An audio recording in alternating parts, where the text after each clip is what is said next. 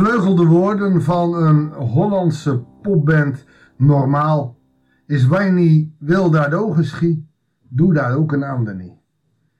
Nou ja, de uitspraak is voor mij wat anders omdat ik het dialect niet spreek, maar hij is terug te halen uit de Bijbel. Wat u wilt dat anderen aan u doet, doe hen evenzo. Precies dezelfde inhoud, alleen positiever gebracht. Maar ja, dat is Jezus, die brengt dingen positief. Of zoals het gedeelte van vandaag eindigt, behandel andere mensen dus steeds zoals je zou willen dat ze jullie behandelen. Dat is het hart van de wet en de profeten. Dus als wij de bergreden lezen, zitten we in het hart van de wet en de profeten, die hij niet is komen ontmaskeren en ontluisteren, maar is komen te vervullen, oftewel komen te verdiepen. Goedendag, hartelijk welkom bij een nieuwe uitzending van het Bijbelsdagboek. We lezen vandaag uit Matthäus 7, bekende versen, vers 1 tot en met 12. Als er staat, oordeel niet opdat er over jullie niet geoordeeld wordt. Oordeelt niet opdat er over jullie niet geoordeeld Oordelen is natuurlijk wat anders dan vinden. En als je in de kerk kijkt, vinden heel veel mensen ergens wat van. En je mag wat vinden. Maar de vraag is of alles wat je vindt ook hardop gezegd moet worden. Omdat wanneer je heel gauw wat vindt en dat zegt, het heel snel in het oordelende vlak zit, omdat het iets is wat jij vindt. Ik vind dat kleed rood en jij vindt het oranje, maar het is rood, want ik vind dat. Als je zo spreekt in de gemeente, zou je eigenlijk moeten zeggen: het gaat er niet om wat jij vindt. Het gaat er niet om wat een ander vindt, het gaat erom wat God vindt. En God vindt dat er een mooi kleed op tafel ligt. En het interesseert hem niet of dat rood of oranje is. In de kerk moeten wij als christenen zoveel vinden. Je kan er niks aan doen. Jij vindt wat. Je vindt wat van deze podcast.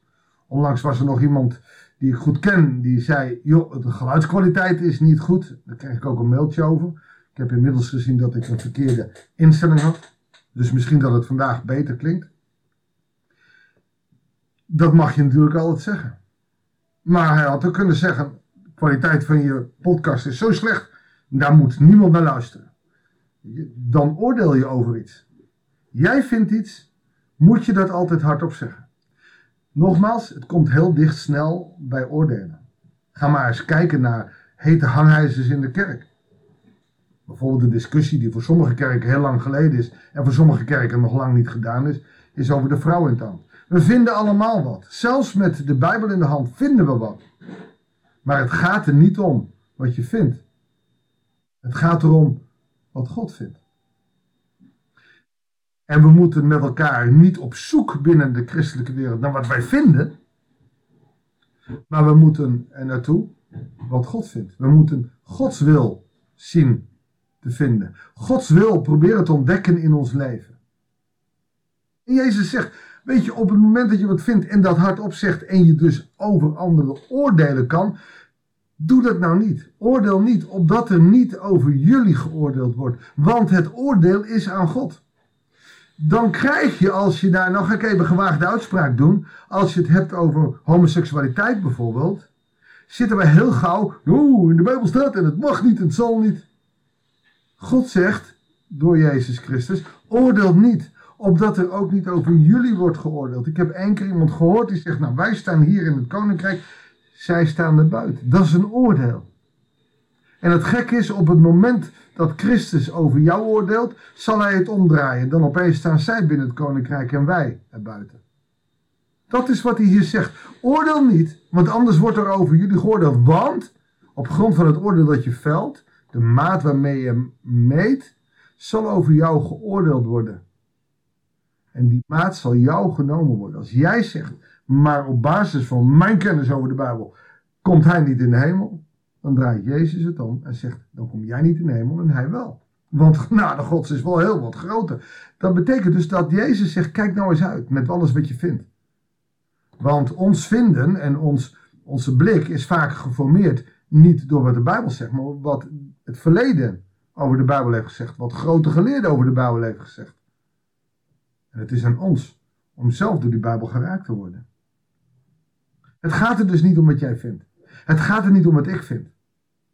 Het gaat erom wat God vindt. En de hele opdracht van de kerk is om te ontdekken wat Gods wil is en die in de praktijk te brengen. De hele opzet van de bergreden, 5 tot en met 7, de hoofdstukken 5 tot en met 7 van Matthäus, zijn erop gericht om het koninkrijk op te bouwen. En niet om wat te vinden en met je oordeel het kapot te maken.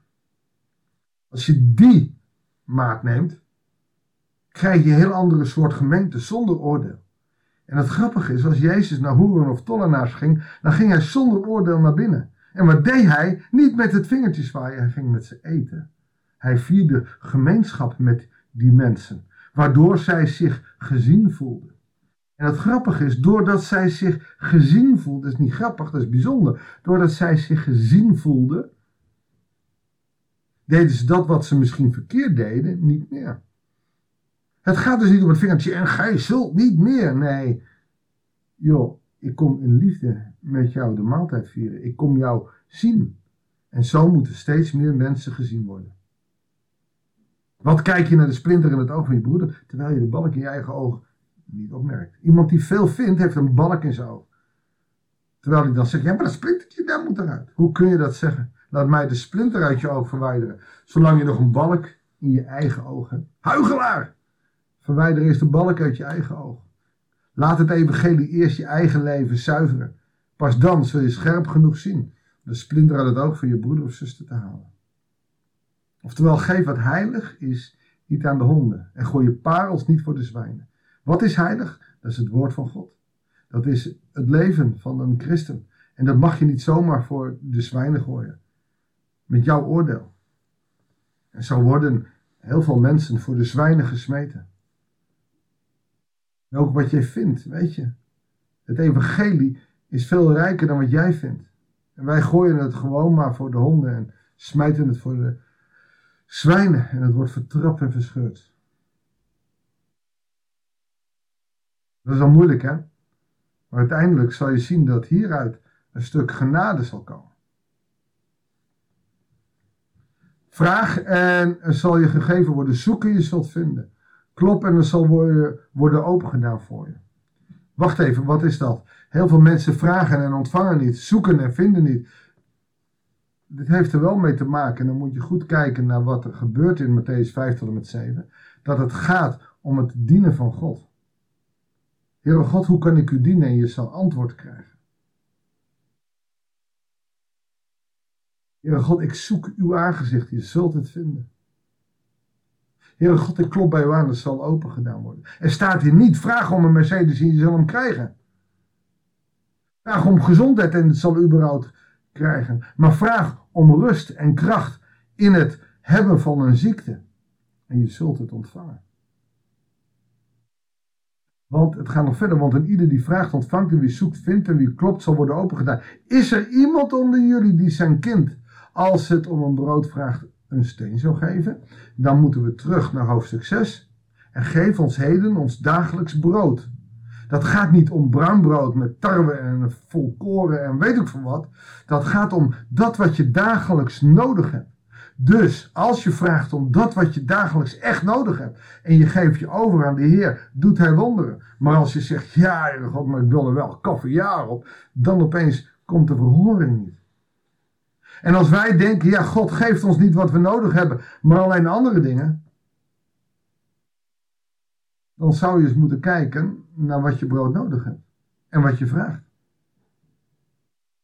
Of, en dat komt er ook bij, staat jouw hart open voor wat God je geeft. Als jullie dus, slecht als jullie zijn, je kinderen al goede gaven kunt schenken, hoeveel te meer zal jullie Vader in de hemel dan niet het goede geven aan wie hem daarom vragen. En dat goede, dat is het evangelie. Dat goede, dat is wat God met ons voor heeft. Daarom leert hij ons niet mijn wil, maar uw wil geschieden. En zoals jij door God behandeld wil worden, zo moet jij anderen ook behandelen. Behandel anderen dus steeds zoals je zou willen dat ze jullie behandelen. Want dat is het hart van de wet en de profeten. Waar je niet wil dat ook doe dat ook een ander niet. Maar veel mooier is het, wat u wilt dat mensen aan u doen, doet hen even zo. En dat is de wil van de Hemelse Vader. Dat is Gods wil zoeken. Dat is het vaderhart van God zoeken en daarvan uit leven. Niet vanuit wat ik vind, maar vanuit wat ik mag delen. De liefde en de genade die ik ontvang. Mag ik voor je bidden? Genade en vrede mogen over ons zijn, God, omdat u ons die geeft. Vergeef ons als wij te vaak en te veel wat vinden. En daarmee anderen tekort doen, maar ook u tekort doen. Zegen ons, behoed en bewaar ons, heilig ons in uw liefde, opdat door uw heiliging wij mensen mogen zijn die in liefde met anderen omgaan, ook al zijn zij heel anders. Dat bidden wij u. En we danken het u in Jezus' naam. Amen. Dankjewel voor het luisteren. Ik wens je God zegen. En het spijt me als je hierdoor meer op je tong gaat bijten. Bijt niet te hard, want het doet zeer. Maar het zou wel eens goed zijn. Uh, daar staan nog andere teksten over. Maar mijn tijd zit erop. Ik wens je een goede dag, een goed weekend. En heel graag tot de volgende uitzending van het Bijbelsdagboek.